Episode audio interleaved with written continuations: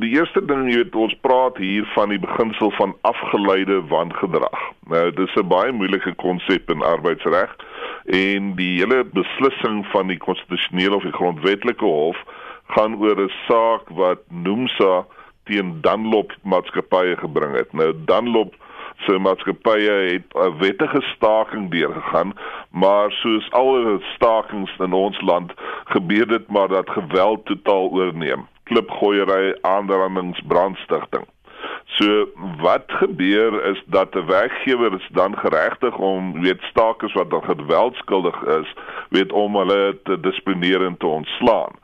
Maar soos baie keer met hierdie tipe van situasies waar jy so staking het, is dit moeilik om te identifiseer wie werklik die geweldenaars is en wat die aksies neem.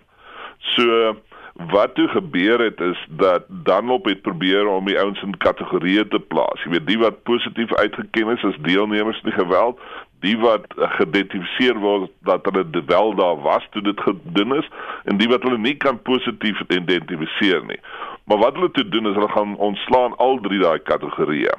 En dit gaan oor hierdie derde kategorie, die ouens wat hulle nie positief kon identifiseer nie, maar wat hulle sê op jou was daar 'n plig om in goeie trou teenoor jou werkgewer op te tree. Jy het die plig gehad om vir my te kom sê wie die gewelddenaars is. Jy was daar, jy het gesien wat gebeur het, maar jy het nie tevore gekom om my te vertel nie. Ek gaan jou ook ontslaan. En dit is hierdie hele konsep van afgeleide wangedrag. So, wat het die hof toe beslis?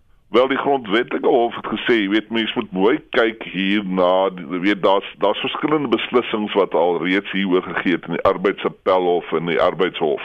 En dis die eerste keer wat die hof nou kon mooi kyk na wat is die beginsels vir hierdie afgeleide wangedrag veral in 'n stakingskonteks. En wat die hof gesê het is ja, daar is daai verpligting om in goeie trou teenoor jou werkgewer op te tree. Maar die werkgewer het ook 'n verpligting. Hy moet in ag neem dat jy's besig om deel te neem aan 'n staking.